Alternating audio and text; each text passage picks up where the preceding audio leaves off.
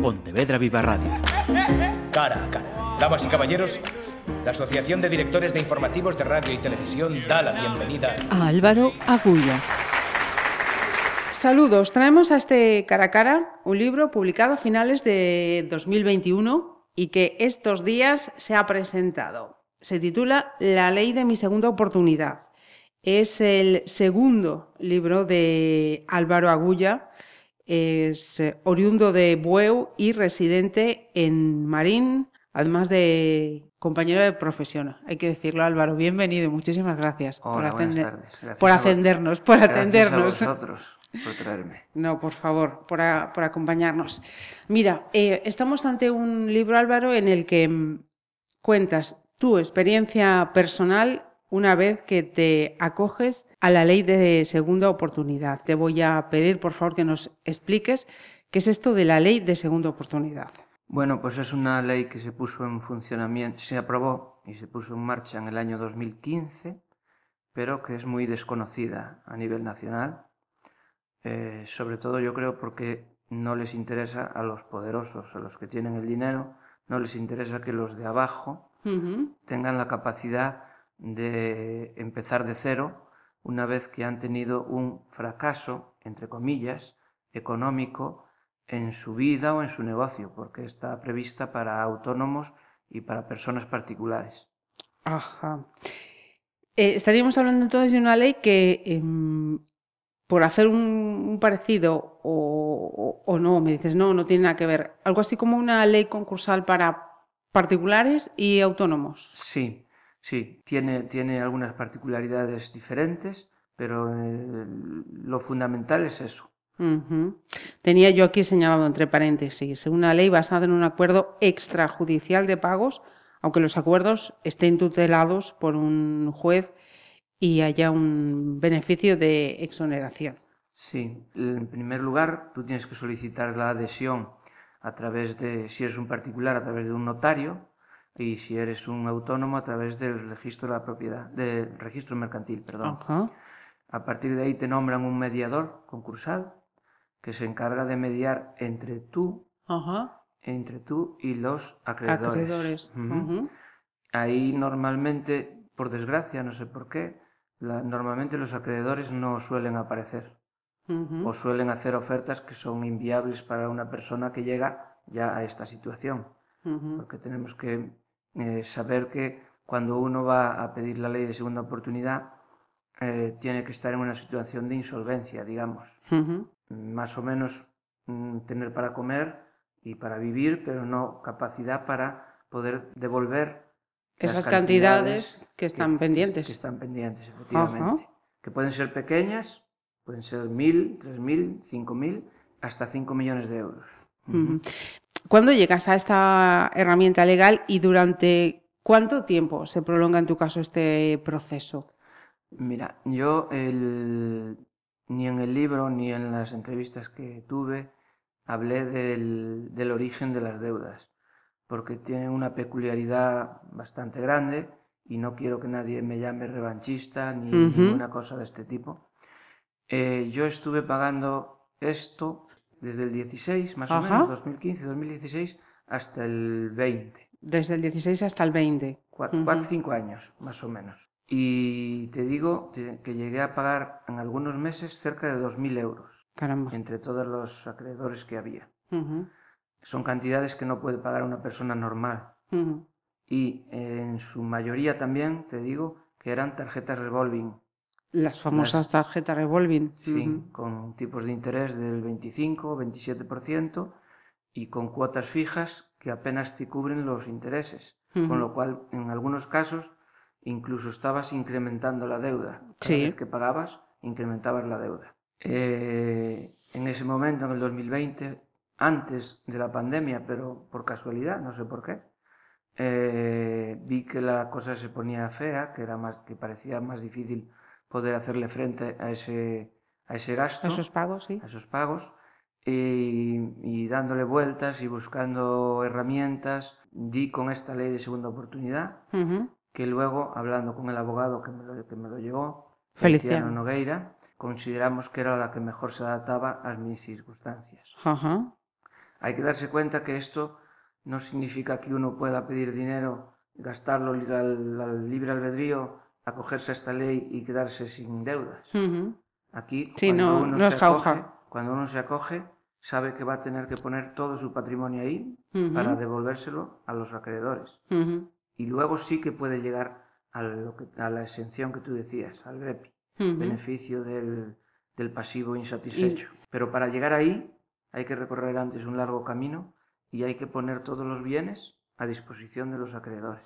¿A ti esta, esta ley eh, te ha permitido reenga- reengancharte profesionalmente? La verdad que co- coincidió tan mal el- cuando yo me acogí, a los dos meses empezó la pandemia. Ajá. Y con la pandemia, pues mm, la- el sector al que yo me dedicaba fundamentalmente, desde mi, yo soy autónomo, desde mi faceta profesional se fue al garete, pero completamente. Como es el mundo de las orquestas y de la música, también fue el de la cultura y de otros sectores, pero yo concretamente trabajaba con la verbena mm, mayoritariamente y la verbena lleva dos años parada. Ahora está empezando de nuevo, pero Claro, tienen todo ese lastre de dos años y lastre. empiezan, digamos que a respirar poquito a poco. Exactamente.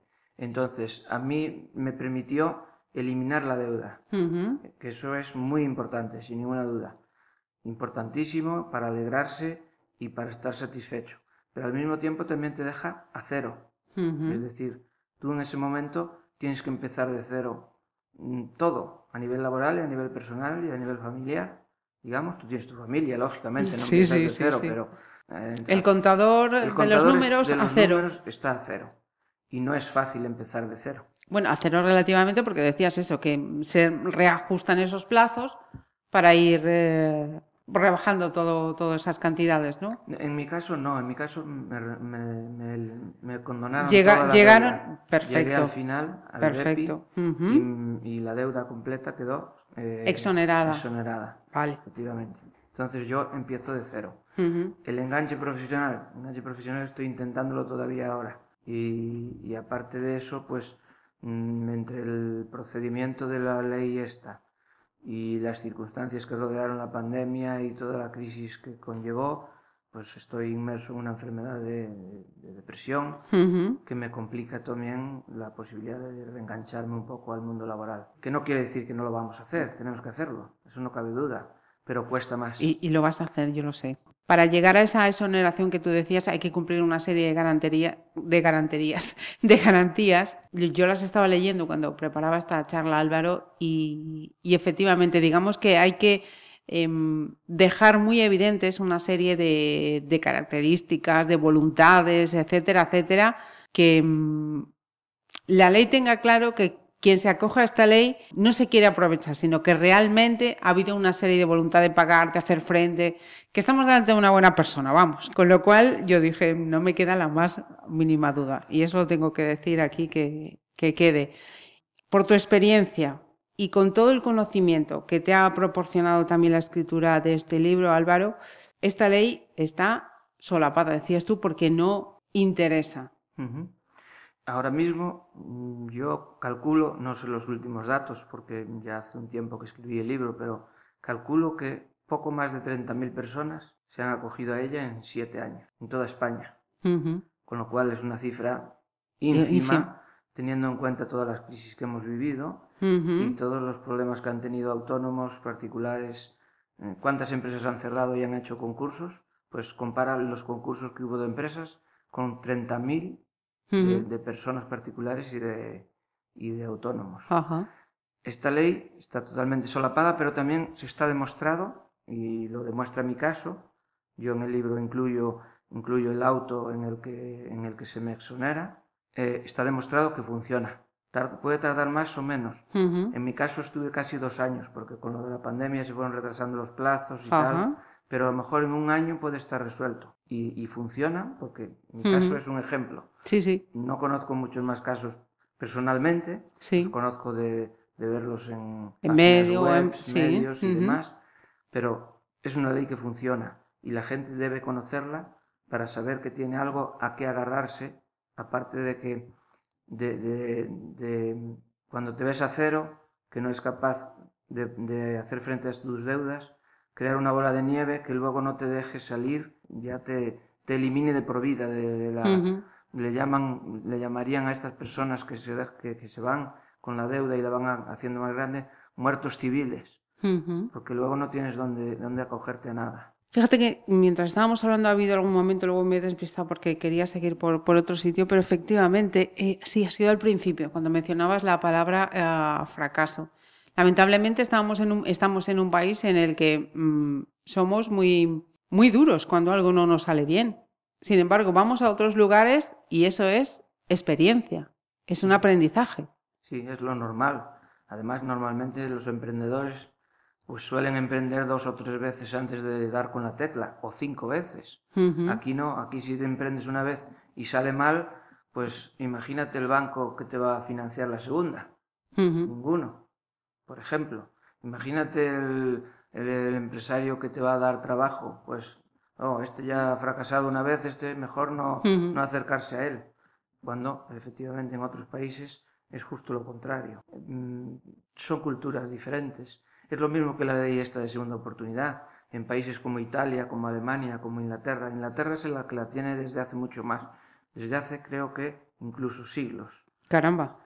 Pero Alemania, Italia, otros países la tienen desde hace tiempo y Ujú. funciona muy bien, claro, muy bien para la, para la ciudadanía, para los ciudadanos de abajo, no tan bien para los bancos, que Ujú. pierden un dinero. Sí, claro, pero también es porque igual se está evidenciando prácticas que son usureras, como estábamos diciendo. Efectivamente, aparte En no, fin. no dicho por nosotros, dicho ya por los juzgados. Sí, sí, sí, sí, está este, efectivamente. No es que nosotros aquí queramos emprender en nueva guerra, es así y está, incluso yo hasta creo que hasta por sentencias. sí, sí, Sí. Mira, eh, Feliciano Nogueira, decías, es tu abogado, también eh, coincide contigo en que mm, esta ley no, no se utiliza, no se conoce, eh, mm, interesa que esté así en las páginas del final. Sí, la verdad que, fíjate, él fue el que más me animó a escribir el libro, él y otro compañero, José García Cuervo. Eh, los dos me animaron a escribirlo. Eh, también me decían, bueno, puedes hacerlo sin poner tu nombre para no estigmatizarte. Dije, no, yo no voy a, yo no voy a esconderme, yo voy a contar mi historia y que, y que esa historia sirva como una guía para aquel que quiera eh, acogerse Claro. y que, y que se fíe de lo que yo digo, claro. Él también sabe que es una ley poco conocida, ha tenido algún caso, pero la mayoría de la gente se tira más. Yo en el libro lo desaconsejo, entre comillas, desaconsejar, porque lo de dar consejos tampoco es bueno. Se tira más a esos eh, despachos grandes, repara tu deuda, eh, bueno, ese tipo de... Sí, sí, que al sí. final no le ves la cara al abogado, no sabes con quién hablas, están a cientos de kilómetros. Esto funcio- también es una cuestión de confianza. Claro, yo para mí la confianza lo es todo en muchas cosas de la vida, o yo diría que en todas. Tú si vas a comprar una empresa o si vas a comprar un sofá, si el tío que está vendiéndotelo te da confianza, Lo lo compras seguramente. fácilmente. Pero si no te da confianza, puedes tardar tres meses en comprarte el sofá. mm. O no. O no O comprarlo, no comprarlo siquiera. Sí, sí, sí, sí. ¿Eh? Efectivamente. El objetivo entonces de, de este libro, Álvaro, es eh, servir de ayuda para otros particulares y otros autónomos. Sí, el editor del libro en, el- en la sinopsis pone algo así como que es un testimonio valiente y difícil.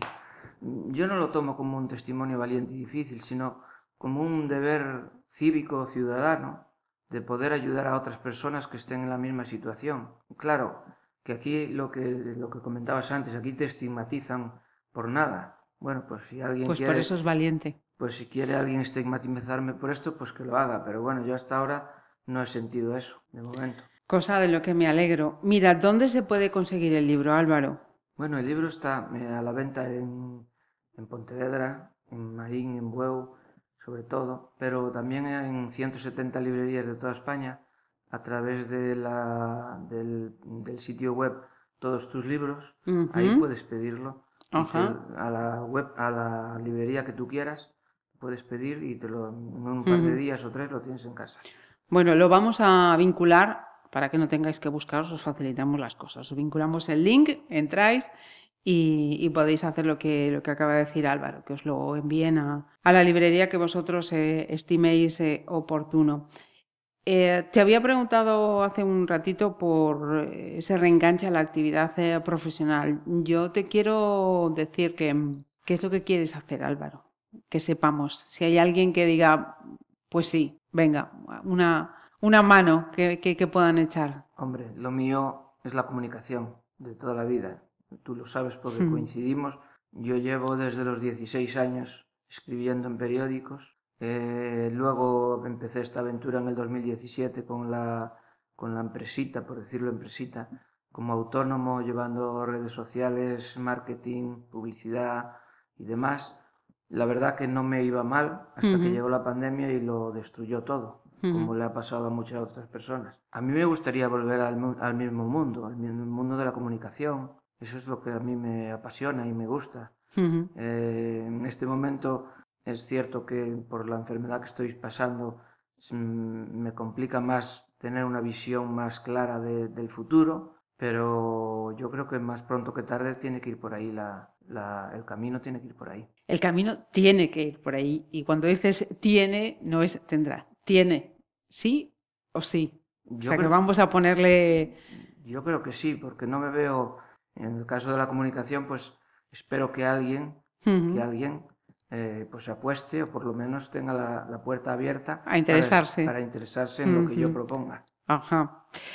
Voy a aprovechar, y lo he dicho, su segundo libro. El anterior había sido una biografía, pero no fue la tuya. No, no, no. Era la biografía de un gaitero de, de Oío, en Ajá, Cangas. sí. Allí hay una tradición muy grande de, de la música tradicional, de la gaita y demás. Y era, es, es una biografía de, de Lito Gago, que ya falleció, el ayuntamiento le hizo un monumento y demás, y yo le hice la biografía justo cuando dejó de dirigir la banda de gaita en Mansadoira de Huevo. Uh -huh. Estuvo allí 15 años y por diversas circunstancias lo dejó y pues unos años más tarde tuvo la desgracia de, de, de fallecer. Uh -huh. eh, y sí es una biografía. Mm, también me llamó la atención la forma, la, la posibilidad de escribir libros, pero ciertamente eh, estoy observando, no es que yo con este quería ganar dinero, porque tampoco el nivel de, de, de edición es para ello, ¿no? Pero creo que no es el, un camino que sea, mm, salvo para los bestsellers, no, creo que, no, no veo que sea un camino que, uh -huh. al que se le pueda sacar gran provecho, salvo el de informar, el de aprovechar esto. El otro día mm, me, compara, me comparaban, no, nombraban a Kapuczynski sí. de la, la, importancia que él decía que tenía el periodismo para, para mejorar el mundo, ¿no? Y, y, comparaban lo del libro porque yo estaba tratando de dar una información para los demás. Pues me halagó mucho, lógicamente, ¿no? Pero, pero es cierto, el libro no trataba de vender miles, ojalá se vendieran miles o un uh -huh. millón de ellos para que la gente supiera. Sí, sí, sí. Pero lo que trato es de acercarme a la gente, de acercarme a la gente a la capa de la sociedad que más lo necesita, que es la capa humilde, uh -huh. que es la que puede, sobre todo, engancharse a esta ley. Fíjate, Álvaro, lo que estás diciendo, la capa humilde. Eh, yo creo que eh, estamos hablando de la inmensa mayoría de la sociedad española, uh -huh. que estamos en ese estrato, de que estás intentando ganarte la vida con tu sueldo, un día te vienen mal dadas, y necesitas una herramienta de estas. O sea, que no estamos hablando de cuatro, de cinco, ni de 500, ni de mil. Estamos hablando de la inmensa mayoría, creo yo, de, de las personas sí. que podemos estar en esta situación. Uh -huh. Sí, sí, además eh, hay que darse cuenta de que la vida es, mm, da muchas vueltas, como eso es un, un tópico, ¿no? Pero el que está muy arriba un día puede estar más abajo y el que está abajo puede ir para arriba. Es más difícil, mucho más difícil, pero bueno. Mm, todos podemos llegar a esta situación, no es por quitarme responsabilidad a mí, que yo llegué a la situación pues por, por diversas circunstancias, pero efectivamente eh, podemos llegar todos a esa, a esa situación y quería decirte que mmm, no solo que lo necesites, sino que muchas veces te están bombardeando, uh -huh. que te damos esta tarjeta que tiene 3.000 euros, que te cobramos solo 50 euros al mes, que puedes gastarte o que te lo ponemos el dinero en tu cuenta al día siguiente, etcétera, etcétera. Es un acoso constante. Ahora, uh -huh. ya, ahora quizás ya no tanto, pero, pero que sí que fue un acoso constante durante años. Igual que después, cuando te tratas de acoger a esta ley, sufres un acoso inmisericorde por parte de los acreedores, porque te están llamando todo el día, desde números diferentes, Sí, sí. e incluso con, con actitudes poco edificantes, por decirlo de alguna manera, Acosadoras. acosando totalmente, que, que es, que lo decíamos en la presentación del otro día, el abogado decía que es denunciable, lo que pasa que, bueno, que es una cuestión mm, difícil de probar y, de, y de- Ujú. y que tiene poca repercusión, pero, pero sí que están cometiendo presuntos delitos de, de un acoso, Decía mi abuelo, nadie da duros a cuatro pesetas. efectivamente, efectivamente. A los que estáis eh, escuchando eh, el libro La ley de mi segunda oportunidad, Álvaro Agulla, si queréis una, darle una oportunidad, aquí está Álvaro y de verdad muchísima, muchísima suerte, muchísimo ánimo, Álvaro. Lo primero, trabaja para ti, para ponerte bien y después a tope con ello. Muchas gracias, muchas gracias. Pontevedra Viva Radio. ¿Me permiten que les haga un comentario como espectadores del programa Cara a Cara? Según un reciente sondeo de mercado, ustedes disponen de estudios e inteligencias superiores a la media. Sus intereses abarcan desde la actualidad mundial y la ciencia hasta el deporte y los espectáculos.